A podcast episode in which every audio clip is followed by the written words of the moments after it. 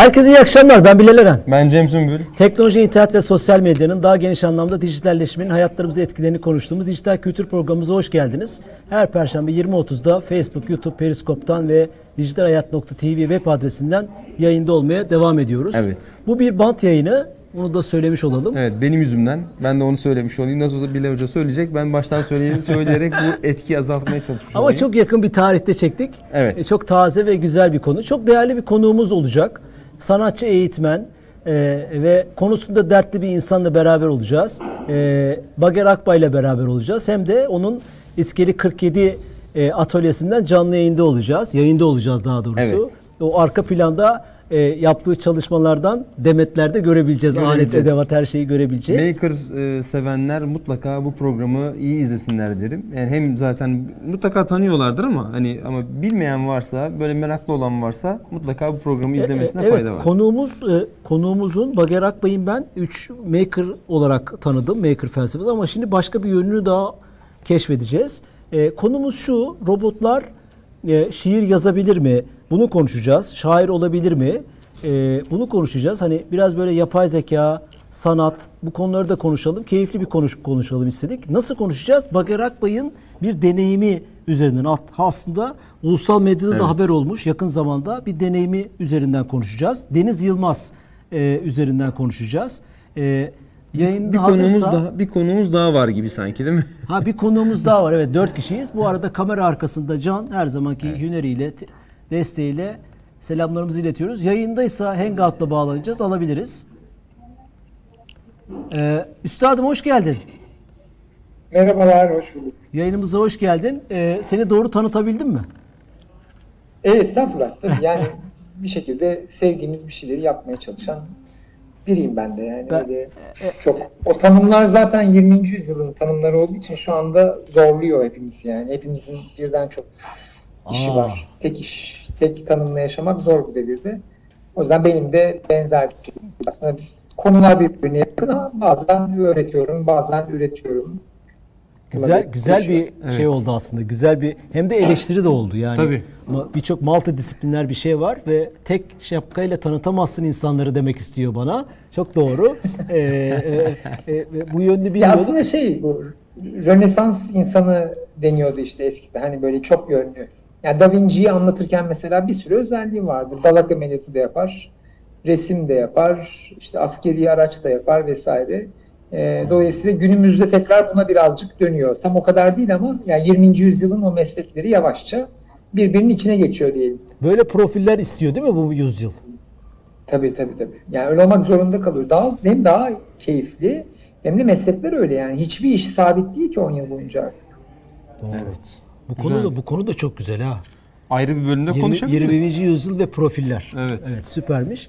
Ee, Hangout'la bağlandık. Arkada da aslında Bager Akbay'ın atölyesinden kesitlerde görebiliyoruz. Kolay gelsin e, e, çalışmalarında. Teşekkürler. Sağ olun. Bu bizim için çok kıymetli. Bu Aynen. arada e, seste vesaire herhalde bir, sorunumuz bir sorunumuz yok. yok. Gayet iyi geliyor. E, abi bu Deniz Yılmaz hikayesiyle başlayalım mı? Ben buna hani bu bir hikaye yaratma çok kıymetli. Ne yapmaya çalıştın burada? Bununla başlayalım mı?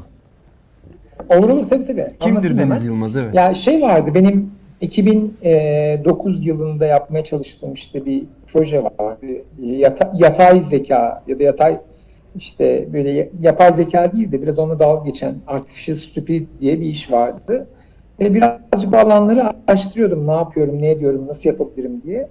Ee, sonra bunu yurt dışında yapmıştım. Türkiye'de bir dedim ki şimdi bir problemi konuşmak için birçok yöntem var. Ee, ben şey tarafını çok sevmiyorum. Beceri üzerinden tanımlamayı ve tartışmayı sevmiyorum. Robotların hakları üzerine bir kafamda dert vardı. Bu robotlara hak nasıl kazandırırız vesaire konusuydu. Dedim ki işte Posta Gazetesi'nin yurdumun şairleri köşesinde bir robotun şiiri yayınlanırsa acaba insanlar nasıl tepki verir ve bu konu üzerine nasıl konuşuruz diye. Oturdum işte 3 ay boyunca çalıştım. Aslında çok basit teknikler kullandım. İnsanlara yani karmaşık gibi geliyor ama değil yani. Böyle yaklaşık 50 yıllık metodlarla e, bir şey yaptım. E, yazdım yazdım. Bir donanım yaptım. Şiir yazan bir robot yaptım ve Posta Gazetesi'ne bu şiirlerini yollamaya başladı. Ondan sonra başaramadı.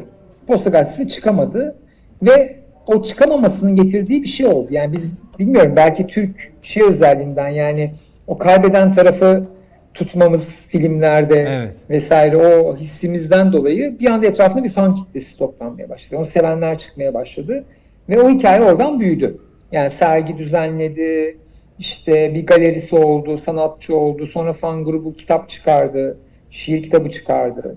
İşte bir sürü teklif aldı, o tekliflere nasıl tepki vereceği vesaire hikayesinden bunun üzerinden bir hikaye oluştu. Bir şey sorabilir miyim? Ee, Peki yaklaşık- post, posta gazetesine çıkamaydı. Nasıl insanlar nasıl buldu bunu? Sen bir mecrada bunu tanıttın mı?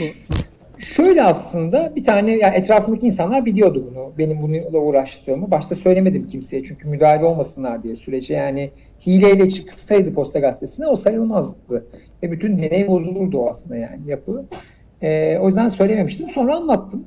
Ee, birkaç arkadaşım şey dedi. Ya çok ilginç. Kayıt altına alalım.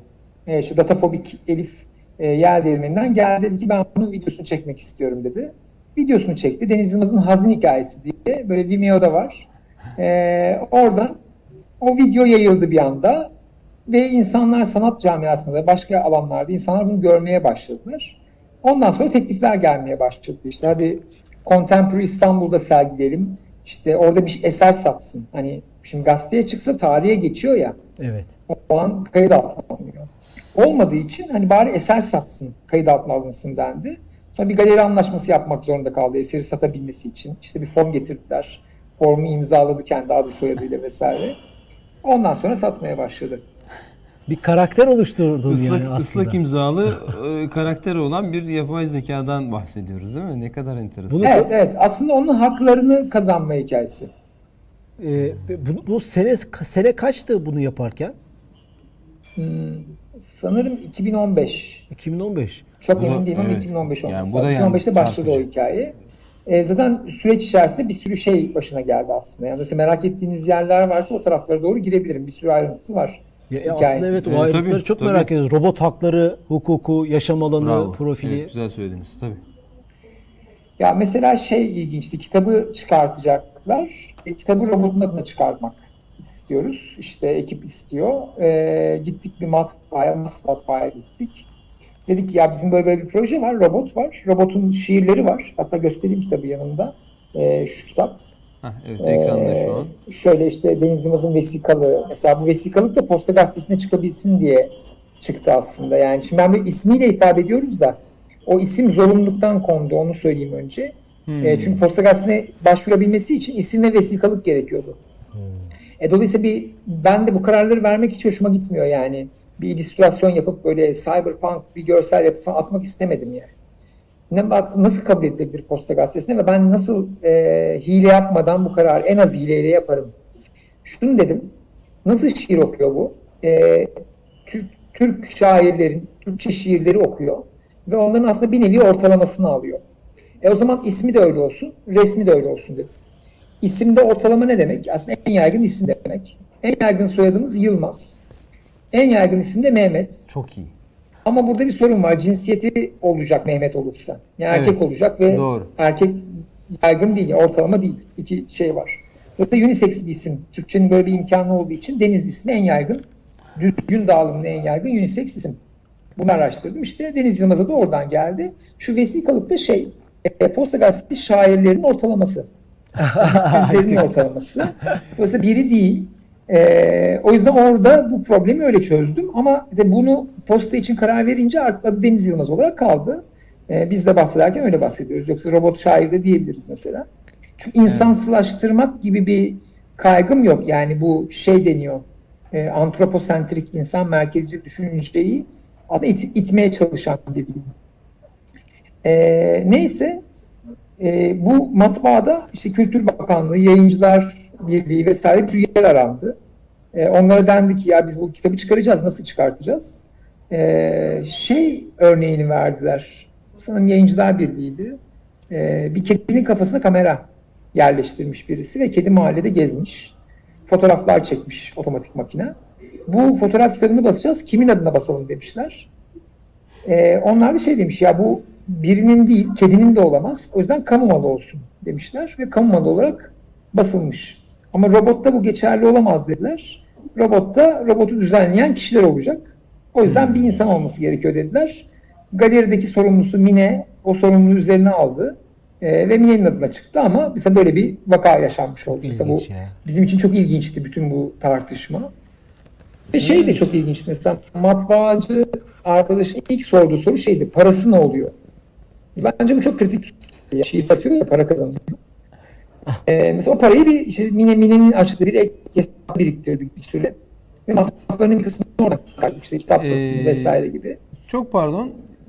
Bir ufaktan bir kesinti oluyor. Ee, acaba tekrar Tamam. hemen arasak mı Can? Ee, öyle bir şey yapalım Olur. mı? Gayet iyi, iyi, İyi miydi? İyi mi? Devam mı edelim? Peki Devam tamam çok pardon kesmiş oldu Ses ama güzel bir- Bir geliyor. an bir şey yaptı. E, art art art art arda artta kesilecek gibi. Tamam sorun yok. Devam ediyoruz. Ses güzel Pardon. geliyor. Bana kendi sesim geliyor biraz. O beni işte, konuşurken başlatıyor, zorluyor. Ha, okey tamam şöyle tamam. E, o yok. zaman şöyle yapalım. Şunu ben evet. Şimdi zannediyorum belki biraz daha azalabilir. Tamamdır. Buyurun. Tamam. Aslında şöyle e, bugün konuştuğumuz hani etkinliklerde, söyleşilerde tartıştığımız filmlere konu olan hani robotlarla ilgili süreçlerdeki şeyleri siz bu deneysel çalışmada, deneysel çalışma demek doğru mu olur bilmiyorum. Baya baya Doğru. yaşamışsınız. Evet, evet zaten şimdi bu, bu sanat tekniğini ortaya çıkartıyor. Şimdi burada insanlar şey zannettiler başta. Ee, ben robotun yaptığı şiirle sanat yapıyorum. Şimdi orada bir tartışma var. Ee, robotun yazdığı şiir mi sanat eseri? Evet. Yani Deniz Yılmaz sanatçı, o şiir mi sanat eseri? Bager mi sanatçı, Deniz Yılmaz mı sanat eseri? Ee, aslında pek ikisi de değil. Benim perspektifimde. Herkes için değişebilir bu. Ya onlar da biraz öyle ama tam sadece onlar değil. Ben mesela şeyi seviyorum. Bu vakayı yaratıp vaka üzerinden spekülasyon yapmayı seviyorum. Dolayısıyla ben bunu anlatıyorsam şimdi size, bu benim için bir performans. Dolayısıyla ben bunu buna değer veriyorum. Yani bu devirde tekil bir işin çok anlamlı olacağını düşünmüyorum. Bir deney yapıp e, o deneyde çıkan vaka üzerinden e, kendimize bakmamız, hayata bakmamızın değerli, anlamlı olduğunu düşünüyorum. O yüzden ben o tarafındayım. Yani o vakayı oluşturmak benim için çok değerli. Problem yaratmak ve problem üzerinden spekülasyon yapmak çok değerli geliyor bana. O oradan gelecek çıktıların üzerine düşünüp değil mi çözüm yolları aramak herhalde. Bu demek E tabii ki yani mesela şeyi konuşuyoruz işte diyor ki birisi iyi de robot şiir yazmaya kendi mi karar veriyor? Ben de diyorum ki sen kendin mi karar veriyorsun? Bravo. Yani ne demek kendin karar Çok iyi. Türkiye'de bunların Yani konuşulması şahane bu arada. Yani çok gerçekten çok hoşuma gidiyor. Yani şimdi de haberdar olmamak da ondan da utandım Bizim doğrusu. ayıbımız. Evet. Şey robot robot robot ilham mı alır? Hı. Ne zaman yazmaya Ha, mesela- karar veriyor? Tabii tabii yani mesela yok yazmaya şimdi normalde şey robot bir düğmesi var yanında. Düğmeye basınca yazıyor. Ama düğmeye basınca yazmaya da biliyor yani. Eğer üretemezse belirli bir süre zarfında yazmaya da biliyor. Ee, ama genelde şey yani orada otomatik bir durumu var. Doğru bu eleştiri haklı yani. Bir şaire bana bir şiir yaz dediğin zaman yazmayabilir yani. O Yazmayabilir. göre. Bu problemlere giriyorum sonra zaten. Yani Deniz Yılmaz'dan sonra Çoban diye bir iş yaptım. Çoban'dan sonra Mahlas diye yaptım ve bayağı bu problemlerle ilgilendim. Ee, onlar Deniz kadar ünlü işler değiller mesela ama bu problemle ilgileniyorum. Yani o kişi olmak. Benim derdim şeye benziyor. Şimdi Bülent Ersoy'un mesela atıyorum e, kimlik kartının rengini değiştirmesi hikayesi çok ilginç bir hikaye. Yani şöyle bir şey yapmıyor. Gidip işte bir hak e, arayışına girmiyor. Yani giriyor ama kendi adına giriyor. Çünkü yani şunu anlatmak istiyorum. Nasıl diyeyim aslında oradaki şey biraz karışık. E, yanlış anlaşılmak da istemiyorum orada. Evet. Hassas bir konu. Hak arayışında bir sürü yöntem var. Ve bu hak kavgası şeyden başlıyor. Ta Sokrat'ın yani beyaz erkeğin felsefe yapmasından başlıyor. Beyaz erkek felsefe yaptığı zaman bütün dünyayı dışlıyor aslında. Çünkü orada biz hiç şey düşünmüyoruz. Eski Yunan'da köleler var, kadınların haklarından bahsedilmiyor vesaire. Bunu Doğru. düşünmüyoruz. Sonra bu beyaz erkeğin haklarına herkes yavaş yavaş ortak olmaya çalışıyor. Mesela diğer erkekler diyor ki ya biz de. Sonra kadınlar diyor ki biz de. Şirketler diyor ki biz de. Hayvanlar diyor ki biz de. Yani bu hak kavramı böyle bir okumada. Okuduğunuz zaman şunu anlıyorsunuz. O zaman varlık ne? Kimin neye hakkı olacak? Yani mesela hayvanlar haklarını nasıl kazandı? Yani Evet. yürüyüş mü yaptılar? Hayır. Ha, demek ki her hakkı kazanmak için aynı taktikler gerekmiyor. Şimdi bu, bu spekülasyon üzerinden, bu düşünce deneyi üzerinden bir robot hakkını nasıl kazanırı sosyal bir girişten yapmaya çalışıyor. Çünkü halkımız bunu seviyor, burada büyürüyor. Yani Posta Gazetesi'nin yurdumuş şairlerinin robotun çıkması çok dramatik bir giriş. Ve o bu, bunun konuşulmasına sebep oluyor ve gerçekten de mesela Deniz Yılmaz'ı çok seven kişi var. Ya beni değil bu arada yani. Deniz Yılmaz yani. Tabii. Deniz Yılmaz yarışmalara, festivallere çağrıldı. Tek başına gitti. Ya ben mesela şöyle bir vaka yaşadım anlatayım böyle bir uluslararası şiir festivali çağırdılar, mail atmışlar. Dedim ki kusura bakmayın arkadaşlar benim işim var bugün gelemiyorum. Hocam yanlış anlamayın ama biz sizi çağırmadık dediler. Çok iyi. Bayağı net yani. E, ne yapacağız, ne edeceğiz? İşte buradan bir şey Uber'e bindirdik Deniz Yılmaz'ı. Onlara kodunu attık Uber'in. Yol paylaşımı. Orada karşıladılar, aldılar. Ne oldu bilmiyoruz biz yani. Sonra iki gün sonra, bir gün sonra geri yolladılar. Yani orada ne olduğunu bilmiyoruz. O gerçekten bir birey olmaya başlıyor ufak ufak bu hikayelerde. Tabii ki daha çok yol var. Ee, Evet. Ama konuları bu açıdan tartışmak çok şey oluyor. Çünkü burada ne çıkıyor? Mesela hukuki açısı çıkıyor. İşte duygusal taraf çıkıyor. Mesela bir arkadaşım, bir çok sevdiğim bir abim şey dedi. Ee, ya Bager robotlar şiir yazmasın, şiir de bize bıraksınlar diyor. Ha güzel. Çünkü çok çok duygusal bir giriş bu yani. Ben de böyle şey düşündüm. Yani dedim ki abi dedim robot dedim iyi şiir yazarsa sen şiiri bırakacak mısın? Evet. Ne dedi? Yani 5 yaşında bir çocuk iyi bir şiir yazarsa sen yaz iyisi nedir bu arada şiirin yani? Tabii bir de o da Sen var. kendi şiirini yaz. Sanatın O da yazsın. hangisi? Evet. Ha, şimdi burada şeye geliyor hikaye. Bu rap dersi var. Çok, güzel. Rap dersinde der ki e, herkesin şiir yazmaya hakkı var der. Lanet olası şiir yazmaya herkesin hakkı var. Ben bunu biraz abartıyorum yani. Anlatabildim mi o yani? Herkesin hakkı vardaki herkes ne demek? Robot da buna girebilir mi? Oraya yanlamaya çalışıyor aslında. Tabii. Ama burada bu, Ve bu, şiir- bu kararları bu kararları Bager Akbey olarak vermiyor musun? Robot mu veriyor bu kararı? Yani Ha. bu karakteri sen Yok yarattın. şimdi. Başta ben yapıyorum. Doğru. Sonra fan grubuna dağıtıyorum. Fan grubu bir sürü karar vermeye başladı. Ben hatta neredeyse hiçbir karar vermeye başladım. Hatta bir reklam teklifi aldı. Ee, reklam teklifini fan grubu cevap verecek deyip ben yönlendirdim. Fan grubu reddetti reklam teklifini. Oo. Fan grubu reddedince ben de dedim ki firmaya ben size bir tane daha çakmasını yaparım dedim. ben yaptım. İşe aldım. Çünkü fan grubu okey dese beni işçi olarak çalıştıracaklar. Ben en azından Deniz Yılmaz bana maddi olarak zarar. Kendi işimi yapayım diye aldım. Fan grubu bana bir kızdı. Ondan sonra bir bayağı dağıldı falan olaylar oldu çünkü. Yani burada karar vermeyi bir incelememiz lazım. Yani mesela bir karar versenize bana söylesenize şu kararı ben kendim verdim. Hmm. Etkenler Hiçbir neler? yerden Evet. hiçbir etken yok. Kimseye sormadım. Hiçbir hafızamdan da başkalarıyla yaşadığım deneyimlerden de yararlanmadım. Filmlerde de böyle bir şey görmemiştim. Kitaplarda okumamıştım. Hadi bakalım. Bu çok orijinal bir karar, benim kararım. Evet. Kader mevzuna geldik. Ama yani düşünsene birbirimize aşırı benziyoruz yani. Evet. Çok benzer şeyler yapıyoruz. Kendi olmamız ne demek tartışılır. Şimdi o yüzden şunu yapmaya çalışıyorum. Örnek vereceğim şimdi daha iyi anlayacaksınız. Şirketin kararlarını kim verir? Büyük bir şirketi düşünelim. Evet. Uluslararası bir şirket. Yönetim kurulu, ne bileyim danışma kurulu. Şimdi sadece onlar mesela halkın tepkileri de var. Aa pardon tabii tabii Poli- doğru. Tabii. Politikalar da var, güncel ülkenin durumu, yönetim kurulu kime göre, yönetim kurulu kim atıyor Evet. falan.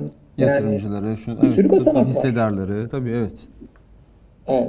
Dolayısıyla şirketin bir karakteri var ve o karakter yönetim kurulundan bağımsız bu arada. Yani şöyle Hmm. şeyler hatırlıyorum ben. Bu The Corporation diye Michael Moore'un bir belgeseli vardı. Şirketleri inceler. E, o der ki mesela bir çocuklar böyle işte Shell'in galiba CEO'sunun evini basarlar. Sen işte doğaya zarar veriyorsun diye. CEO'nun eşi böyle karşılar onları. E, işte kurabiye, kahve verir falan. Otururlar böyle konuşurlar falan. Adam der ki ya arkadaşlar ben bir şey yapamam bu konuda. Nasıl der ya? Olur mu bir şey yapmaz? Sen bu şirketin CEO'su değil misin? Sen bu kararcısın. Arkadaşlar ben dediğinizi yapsam bir gün sonra beni işten alırlar karlılığı düşüreceğim diye. Bunu yapacak bir adamı koyarlar. Dolayısıyla ben bunu ben karar vermiyorum. Bu yapının kararı. Yani şirket dediğiniz mekanizma böyle yürüyor. Bunu yapmazsan batıyor. Batmayan şirket bunu yapıyor. Dolayısıyla mekanizmanın tamamı bu kararı veriyor. Ben benim kişisel rolüm tahmin ettiğinizden çok az diyor. Evet. Şimdi burada baktığımızda şirketin bütün o formülünün yani kuruluş tüzüğü, yapısı, karar alma şekillerinin bir karakter oluşturmaya başladığını görüyoruz. Şimdi ben de Deniz Yılmaz'da bunu yapmaya çalışıyorum. Çoban'da bunu denedim, Mahlas'ta da. bu tip insanları çalıştırarak, insanlara sorarak. Çünkü mesela ben de diyelim bir karar alacağım. Biri bana süper bir teklifte bulundu. Ne yapıyorum? İşte gidiyorum eşime anlatıyorum, çocuğuma anlatıyorum, arkadaşlarıma anlatıyorum. Birkaç şey okuyorum o kitapla ilgili. Başka benzer internetten o kararları vermiş insanların deneyimlerini okuyorum. Ve oradan bir kürasyon yapıyorum. Yani bir ortalamasını alıyorum. İşte bu aslında benim karar verme mantığım. Bir de sezgilerime bakıyorum belki. Sezgide tam olarak hatırlayamadığım deneyimler bütün. Örtük bilgi mi? E, dolayısıyla, evet. Dolayısıyla bir robot da bunu yapabilir mi diye Mahlas diye bir projeye başladım. Şu an buna çalışıyorum. Ha bu Deniz Yılmaz'dan Karar başka farklı bir şey. mekanizmaları. De- De- Deniz Yılmaz'dan farklı bir proje bu.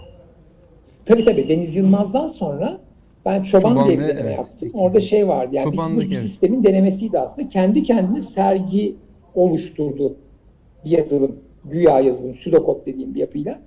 Ve başarılı oldu yani gerçekten. Hiç kimsenin yönetmediği bir sergi oluşturdu sistemi. internetten iş ilanı çıkarak. Ee, anlatırım gerekirse ama uzun bir hikaye.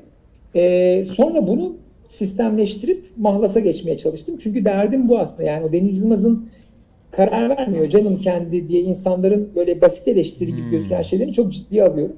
O yüzden onların üzerine de e, kafa patlatıyorum aslında ama konu karışık yani bilişsel becerilere giriyor, topluluk içinde var olmaya giriyor, bir sürü hikaye Bir giriyor. sürü giriyor evet. Müthiş müthiş bir konu aslında bu. Müthiş konular. Tabii. Şey de e, ne, bu hani yapay Beyin zeka yakan konular yani. başı başımıza bela olacak diyenlere de e, e, aslında çok e, şey söylemek istemiyorum. Kesin ifadeler kullanmak istemiyorum ama mesela Deniz Yılmaz e, şu kararı verebilir mi? İnsanlık insanlıkla ilgili kötü düşüncelere sahip olup insan ırkını yok edelim veya Deniz Yılmaz türevleri bu Yani şimdi bir, bir zekanın bir ırkı yok edelim demesi çok lüks yani. Yani o kadar rahat mısın yani? Hani şöyle şimdi dünya dinamik bir yer. Bir ülke, bir şirket dünya yok edelim diyebilir mi? Ee, Yani tabii kendi müşterisini öldürmeyeceği için. Yani bir basit bir Yani şey düşün e, ama evet. çünkü bir şey yaşamı var yani birlikte bir enerji paylaşımı var. Yani böyle biz şey yaşıyoruz. Benden- ben- ayrık değiliz yani. Benden ürün almayanları öldür diyebilir. Çok böyle kaba bir şey oldu ama bu Avengers'ta var ya bir karakter Ton, Ton Tonus mu? Diyor ki Thanos. Thanos. Thanos bilmiyorum hiç izleme şeyin oldu mu? Orada bir tartışma Çok var. Ee, e, e, o Thanos denen kötü tırnak içinde kötü karakterin şöyle bir hedefi var. Ee, dünya kaynakları çok sınırlı. işte doğal kaynaklar vesaire. Ee, ama 7 milyar da çok veya o, o yaşadıkları atma şeyde dünyada kaç kişi yarısını öldürelim ki kaynaklar yetsin. Deniz Yılmaz Ha, yarın okey, böyle tamam. bir karar alabilir mi? Alabilir o zaman. Veya şirket Yani örneğinden gelecek. argüman. İnsan da bu kararı alabilir. Yani bu kararı alan bir sürü insan tanıyorum ben.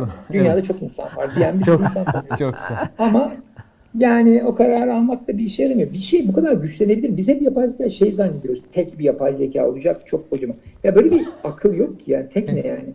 Hep Onun yapay var. zekası var, bunun yapay zekası var. Şimdi şöyle düşünün. Bak bir örnek vereceğim. Diyelim 1 milyon tane yapay zeka var.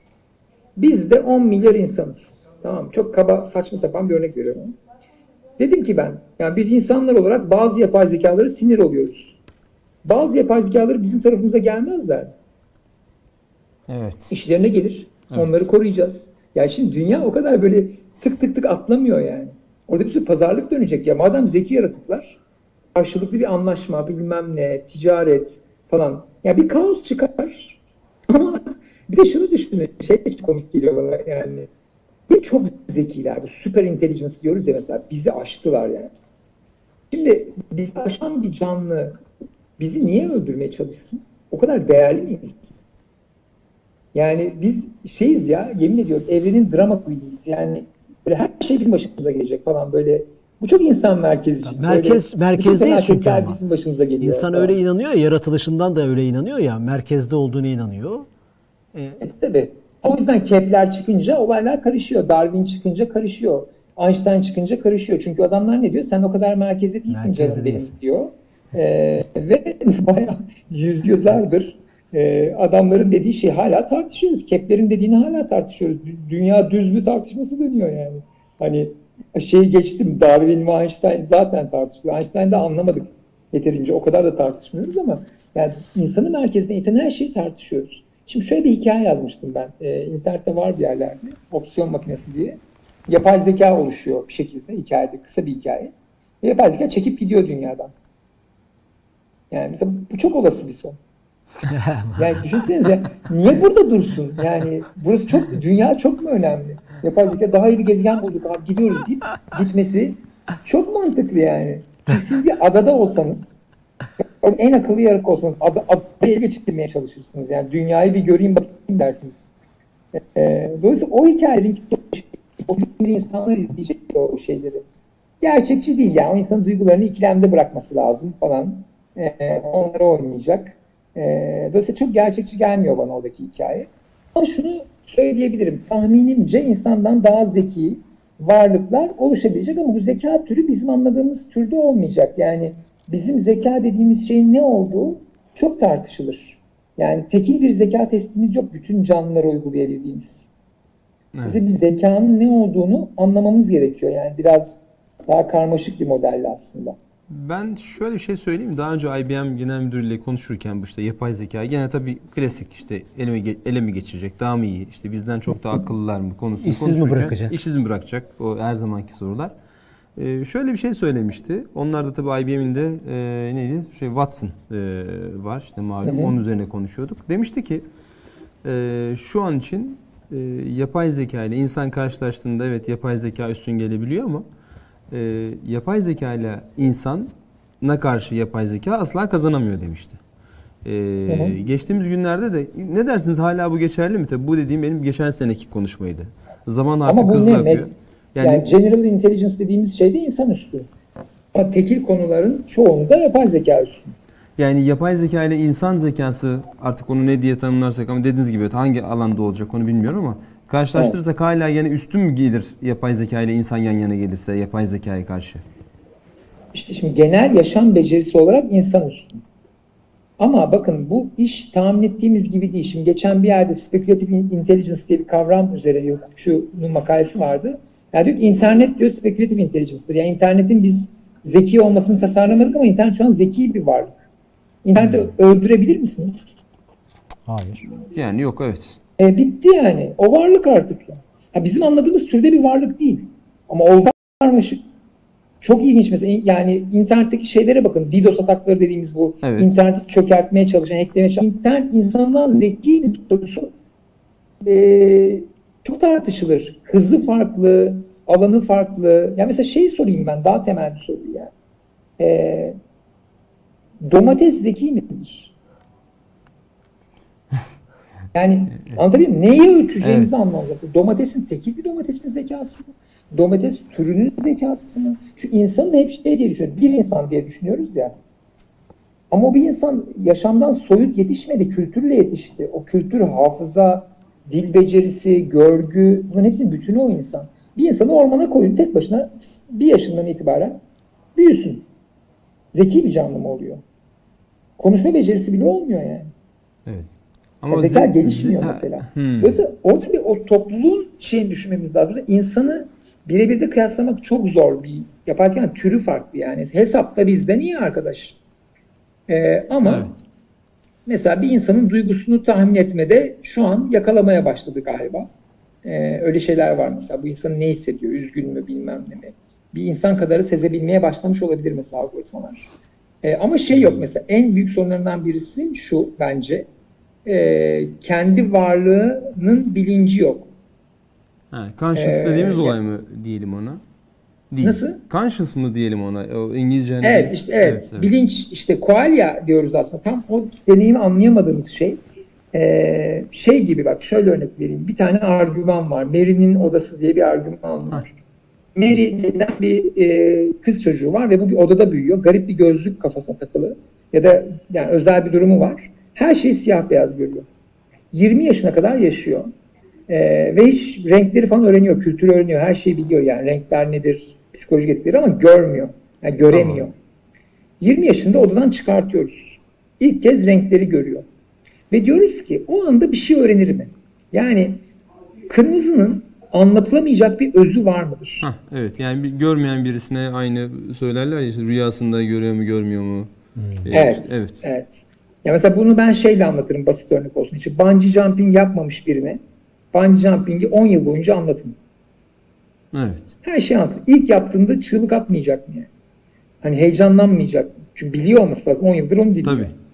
Ama öyle olmuyor. Bazı şeyler deneyimle ilgili. Dolayısıyla orada insanın bilincinin ne olduğunu o kadar iyi bilmiyoruz.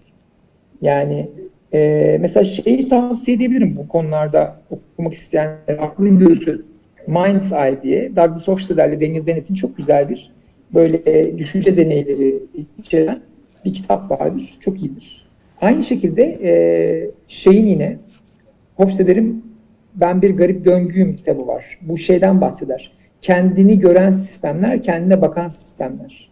Çünkü bilinç orada aslında yani. Kendinin varlığının farkına varıp diğer varlıklarla ilişkilerini kurabilmek. Yani bir yapay zeka kendi varlığı, diğer varlık ilişkileri ve kendi çıkarları vesaire. Yani şunu sorayım mesela size. Bütün canlıların yegane amacı nedir? Evet. Hadi bakalım. Mesela bu Siz şey böyle bir soru. Yani demin domates dedik, insan dedik. Yani Evet. yegane amaçları ne? Bunu anlarsak, bu amacı kodlarsak o zaman o da bilinç geliştirebilir onun üzerinden. Yunus Emre'nin e, sözleri geldi aklıma. İlim kendi bilmektir diye. Böyle acaba oraya mı çıkacağız? Yani sonunda hakikaten oraya da uğrayabiliriz yani evet. Şey e, sen sorular sormayı seviyorsun. Ben onu gördüm. Evet. Evet, evet. Sen soru soru sormayı seviyorsun. Belki cevaplardan Eski- bağımsız. Yunan geleneği eleştirdim adamları ama e, evet, ya öğretmenlik yaptığım için de bir yandan öyle yani. Spekülasyon yaratmak dedim ya. Çünkü şimdi bu Deniz Yılmaz'ı ben mesela bir hikaye olarak yazsaydım bu kadar ilginç olmazdı, ilgi çekmezdi ama yapıp koyunca artık bu soruları sorma hakkım oluyor ve insanlar da biraz daha iyi dinliyorlar sorduğunda. Ben bu buraları seviyorum yani. O oyunları oynamak, zemini kaydırmak. Bir de işin sanat tarafı var mesela. Orada hiç konuşmadık. Sanat camiası mesela bunu onlara da garip. Yani çünkü resim, işte heykel, enstelasyon, müzik değil ya bu. Tabii bir de Yani işte çok evet çok insana has yani sanat deyince zaten aslında baştan bir kere e, insana has bir şey olarak ada, yani öyle isimlendiriyor insan yani tanımla sanki tanımlarken bu insanın yapacağı bir şeymiş gibi yani bir hayvanın sanat yapmasını beklemiyorsun. O, o yüzden Yani büyük ihtimal robotun da söyleyeyim mi? Ar- Lütfen. artificial ile art'ın kökeni Ha, aynı. işte evet. Hadi bakalım. Bütün bütün savda çöktü yani böylece. Çünkü insan Artı- yapımı demek. evet. Yani yapay da insan yapımı demek, sanat da insan yapımı demek aslında. Ha, Dolayısıyla süper. çok doğru dediğin yani. insana özel bir şey, yani yapmaya özel bir şey. Ee, onu robotla saldırmak da sanatın tanımına saldırmak oluyor. Ee, en azından bir sanatçının biraz da işi o zaten yani. Ne yaptığının farkına varmak. Peki şu an Deniz Yılmaz ne yapıyor? Deniz Yılmaz şurada oturuyor. Gösterebilirim. Göstereyim mi? Lütfen. Lütfen. Bunu Merakla bekliyoruz Deniz Yılmaz. Yani programı şu an açan birisi varsa mesela. Atölyeyi de göstermiş olayım biraz. Evet lütfen. Aa, harika. Böyle. Ee, tabii bu arada sizi nereden takip edebilirler? Hemen ondan da bir bahsedelim mi Bager Bey? Nasıl sizi takip Hiçbir etsinler? yerden takip edemezler. Şu an sosyal medya orucundayım. Beni yani. Ee, şu an hiçbir varlığım yok. Yılda bir kere yapıyorum en az. Yani 3-5 ay sürüyor duruma psikolojime göre. Şu Mail, mailde mi mailde mi atamazlar Bager Bey? Lütfen. Mail atarlar. bagerakbay.gmail.com Tamam peki. Seve seve Çünkü yani burada görüp de mutlaka seyirciler arasında merak edenler olacak, bilgi almak isteyecek olanlar olacak. Ya bunun fotoğrafını biz yayında başlarken verdik ama canlı görüyoruz şu an. Evet şu an Deniz Yılmaz'ı hatta şu şey göstereyim işte karalamalarını yaptığı zemin, şurası harfleri, Evet. yazmaktan. Şurada bazı yazılar falan gözüküyor belki. Ee, şiirleri de şurada bir yerdeydi. Bir saniye onları. Şey hangi kodla yazdın? Hani bu çok özel değilse belki yapmak isteyenler senin yolundan Yo, gitmek kodları istiyor. zaten internette duruyor. Ha. İlk, ilk gün açtım kodlarını yani kapalı hiçbir şey yok. Bir tabda Deniz Yılmaz diye duruyor. Ee, benim yazdığım çir- çirkin kodlarla o. Ee, daha güzeli de Python'da e, Asur diye aşk şiirlerinin unutulmaz robotu versiyonu var. O daha temiz. Ee, çok oradan iyiymiş kodlarına bakabilirler. E, e, ko- ko- şey Şöyle şiiri evet, evet, şiiri. böyle burada. o şiiri e, şey yapalım mı? E, e, Gösterelim mi tekrar? E, Şu an evet tam Gördüm. ekrandayız şu an. Gör, görülebiliyor. Geceler mi? Şiirin adı? Geceler. Geceler evet aynen. Harika. Duruyor. Bunun, görseli İlk de var gelen sanırım. şuydu. Şey, e, hangi programlama dilini e, önerdin veya sen Ee, kullandın? ilk versiyonunu Processing'de yazdım. Processing Java tabanlı bir dildir. Ee, ikinci versiyonunu Orhan yazdı. Orhan Kavrakoğlu yazdı. Ee, Python'da yazdı Python'da. orada. daha düzgün yazdı. Çünkü Orhan ya- yani yazılımı bilen birisi. Hmm. Ben yazılımı şey gibi biliyorum. Benim için yazılım e, ne diyeyim? Ben yazar değilim. Yazı yazmayı biliyorum desem anlarsınız. Kodda benim durumum o. E, e, yani ben kod yazmayı biliyorum. Ben 1983'te ilk kodumu yazdım yani. Bayağı yıllardır yazıyorum ama bu yazarı değilim. Yani uzmanı değilim. E, Evet. Ama kendimi ifade edebileceğim bir e, yöntem kod yazmak. Yani Onu- benim onu için çok mesela resim net- yapsam Çok net yapay olur. görebiliyoruz. Tek- Çok çok teknoloji olur. Şey ama bu bazen biliyor musun e, uzmanından daha yaratıcı şeyler E çıkar. tabii zaten işte İhtiyacı kadar ihtiyacı olduğu zaman e, e, ona ona başvurur ve çok daha başarılı. o yüzden şeyler- Orhan Bey yapmamış ilk olarak bunu büyük ihtimalle. Hani e, hani öyle çok iyi.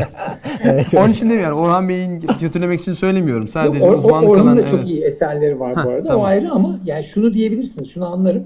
Ee, uzmanı bir işi uzmanlığı için yapar ya genelde. Evet doğru. Ee, ama dışarıdan birisi çok rahat atıp tutabilir. Saçma sapan bir projeye girişebilir yani. Daha Ee, başarılı. ama yapmayı da biliyorsa biraz ilginç bir şey çıkabilir. Aynen öyle. Dolayısıyla o ona benziyor yani. Bir, bu devirde bir sanatçının zaten tek bir malzeme üzerine, uzman, malzeme üzerine uzmanlaşması biraz zor. Ee, yapılabilir tabii ki de. Ee, Sen bak istersen. bana göre biraz şey klasik kalıyor. Çünkü neden? Zor. Onu da söyleyeyim. Suistimal edilebiliyorsunuz. Yani şimdi sanat eseri yaparken sen bir şey anlatmaya çalışıyorsun. Yani bir derdin var. Ee, ama bir süre sonra o malzeme senin önüne geçebiliyor. Alet yani mesela şey gibi. Brecht der ki seyirci tiyatroya girdiği zaman şapkasıyla beraber aklını da bırakır der. Çıkarken de alır der. Yani oyundan hiçbir şeyi hayatına taşımazlar. Oranın sanat eseri olduğunu bilir. Ve ani güzel sanat tükettim falan der. Dolayısıyla bir eser tanımlıysa, yani resim gördüğünüzde ha, resme bakıyorum bu sanat diyorsunuz. Halbuki o gerçek hayatla çok ilişkili bir şey. Bunu görmüyorsunuz zaten. O yüzden bu bir eser yapan birinin medium'unu değiştirmesi, yani eser yaptığı tekniği değiştirmesi e, istediği şeyi anlatması için biraz daha rahat diyebilirim. Çok güzel. O yüzden ben kodla bunlarla anlatıyorum aslında. Şiir gibi anlattınız valla. Yani Hayır çok şey çok Çok çok, güzel, katkı oldu. gerçekten. Çok güzel. Gerçekten çok değişik an, perspektifler aldı. Bizim bizi dij- dij- Bayıldım. dijital hayat programımıza da Evet. farklı açılar ve farklı konular üzerine gitmemiz konusunda yol açtı. Evet. Fikir verdi, ışık tuttu. Çok güzel. Deniz, Yıl. Deniz Yılmaz sen nelere kadirsin? Yani, ya oradan da e, bir atölyeden de bir yayın inşallah bir gün yaparız. Aa yapalım. söyleyeyim. Şey atölyede Evet, şeyler evet. devam Ben- ediyor mu eğitimler? E, burada olmuyor şu anda. Yani Eylül'de yine bir kodur doju olacak galiba çocuklar ama o yani belirli çocuklar var mahalleden geliyorlar, atölye yapıyorlar. O var. E, onun dışında çok eğitim olmuyor şu anda. Belki ileride enstitüleşebiliriz. Burada daha resmi eğitimler verilebilir. Umarım yaparız. Böyle bir şey hayal var. E, ama ba- bazı yerlerde çeşitli atölyeler oluyor. İSKİ 47'nin bir galiba Facebook grubu var. Oraya bakabilirler oradan. Ne kadar aktif bilmiyorum ben orada olmadığım için şu anda. Bir şey söyleyeceğim sadece. Bu kitabı e, bulmak biraz zor olabiliyor. Az var internette ve satılıyor mu bilmiyorum çünkü. Ama şeyde bir de şu kitap var. Şu mavi kitap dediğimiz bizim. Şu biz bu aslında nasıl Mine Kaplan yazdı bunu. E, burada bir sürü şey anlatılıyor. Nasıl sanat yaptığımızla ilgili. E, bu kitapları şeyden bulabilirler. Library Genesis'ten bulabilirler. Yani Libgen. Library Genesis diye internete yazarlarsa orada Libgen, yazınca Libgen Ayo muydu? Ee, oradan mı? Libgen Ayo'dan mı hocam?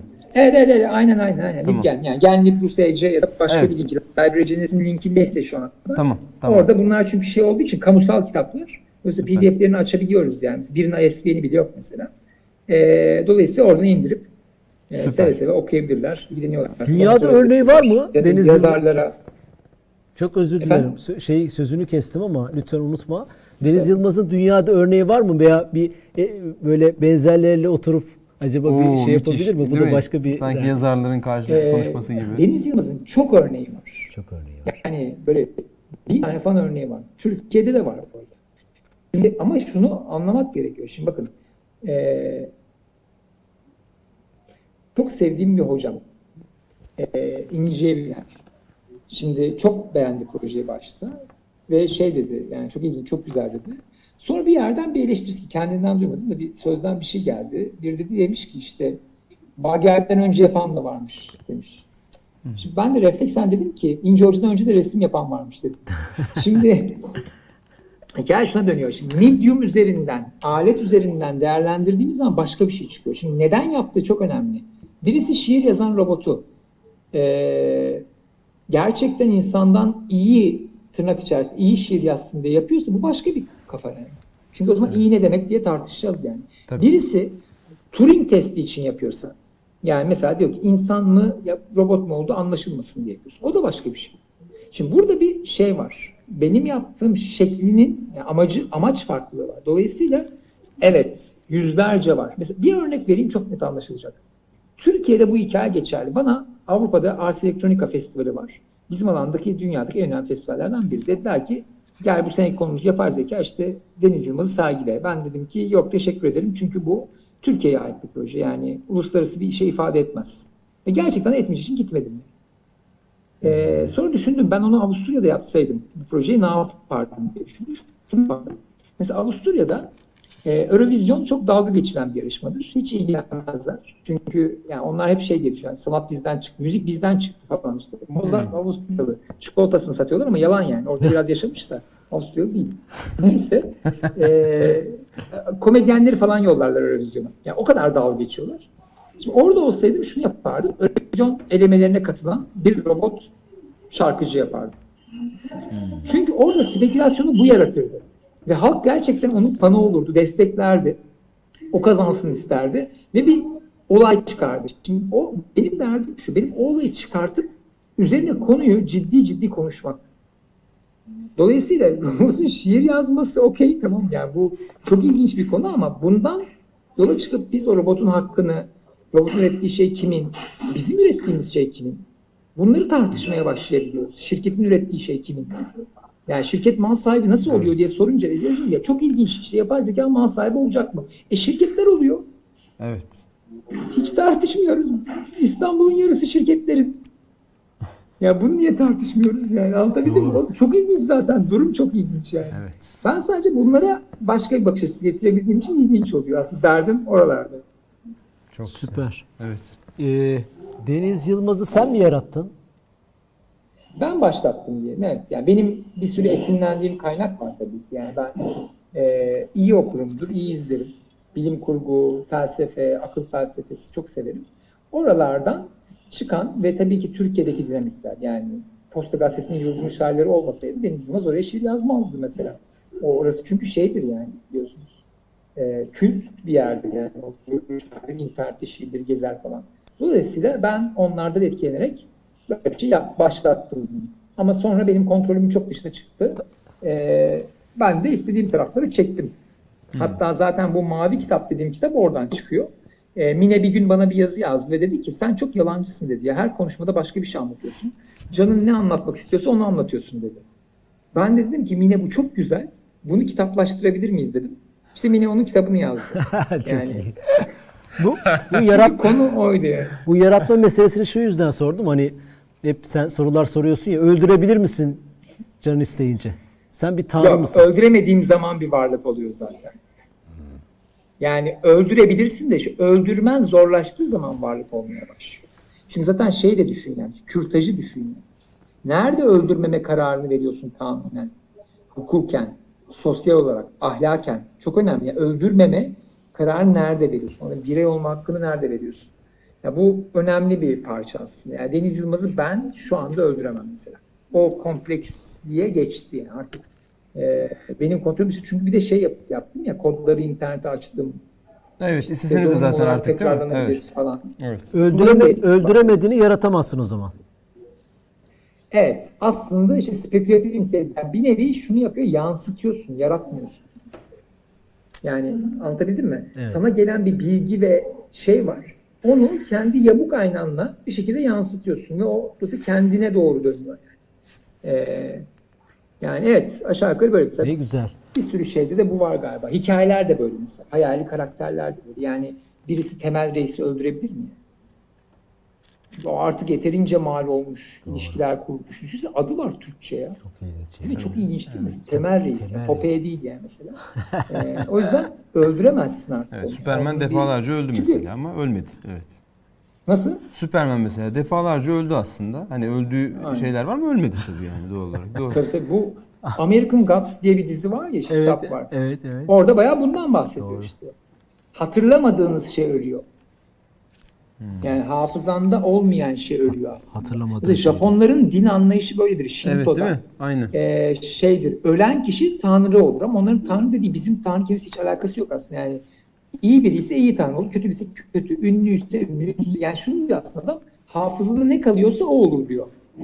İyi biri ise iyi hatırlanır diyor yani. Son Onun kişi- tanrı dediği aslında hafızada kalma şekli. Dolayısıyla o bir yaşam yani biz hani diyoruz mesela Atatürk ölmedi işte içimizde yaşıyor diyoruz. Gerçekten öyle yani. O, o kavram ölmüyor bizde var. Aynı şekilde mi var? Hayır o tartışılır değişiyor kavram ama bir sürü farklı şekilde var aslında. Dolayısıyla ben yani canlı dediğimiz şey bizim hep şey gibi fiziksel varlığa bağlıyoruz ama bana pek öyle gelmiyor ya. Kavramlar da canlı gibi geliyor. Yani şirketin canlı olması da kafamda benzer şeydi. Ama hala anlamaya çalışan biriyim. Yani saçma Harika. Çok çok çok kıymetli. Çok çok kıymetli. Ee, bu, Ama düşünmeyi seviyorum. bu, bu, bu programın ikincisini, üçüncüsü İskele 47'de çekmek istiyoruz. Ya o kadar o kadar keyif aldım. Çok teşekkür ederiz.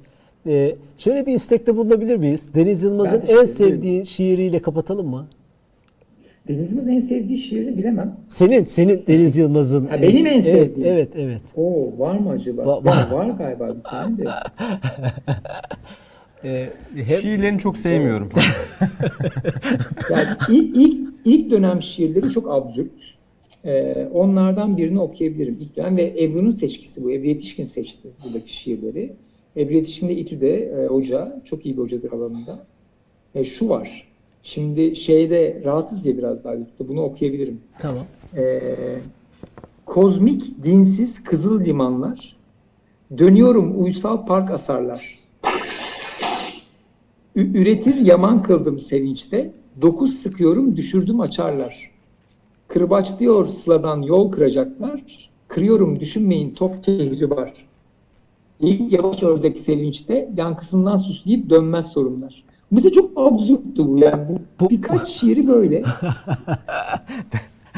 Güzelmiş. Evet. İlginç oldu evet. politik mesela bazı şiirleri politik, bazı şeyleri böyle dini şiirleri var vesaire. Çünkü okuduklarından tabii kaynaklanıyor. Tabii. Çünkü yani e, ya Baki Nefi de okudu. E, ama işte Orhan Veli de okudu yani. Dolayısıyla nereye gideceği belli olmuyor şiirlerin. E, genelde duygusal taraflarda geziniyor ama Eyvallah. böyle değil. Evet. Eyvallah abi. Katılım için çok teşekkür ediyorum. Çok keyifli oldu. Ee, elimizden Ben geldiğince bilmiyorum Deniz Yılmaz mutlu mudur bu işten? Mesut mudur? Güzel mi anlattık onu ama ama ben e, şey e, aslında senin sorularından daha çok şey yaptım böyle. Deniz Yılmaz kızmazsa. Şahane. Evet evet çok e, güzel. çok keyif önümüzü açtı. Çok teşekkür ederiz. Şeref verdin. Ben teşekkür ederim. Sağ olun. Sağ ol. Görüşmek üzere. İyi akşamlar diliyoruz. Teşekkürler. Evet beynin yandı mı? Yandı. O e- emoji var ya bir tane böyle şuradan çıkmış öyle yanıyor. O oldu yani ama bir zaman önce oldu. Şu an artık o geç bile yani öyle söyleyeyim. Çok güzeldi. Katıl- Umarım seyirciler için de öyle olmuştur. Evet, e, süper sorular sormuş oldu e, Bager. Bu soruları herkes kendi her şey Tekrar cevabı tekrar, olmaz. evet. Herkes kendine göre cevaplayacak belki bazı Evet. Ama şu bir gerçek ki çok okumak lazım ya. Çok Evet. okumak, anlamak, düşünmek lazım. Katılımınız için teşekkür ediyoruz. İyi akşamlar. İyi akşamlar.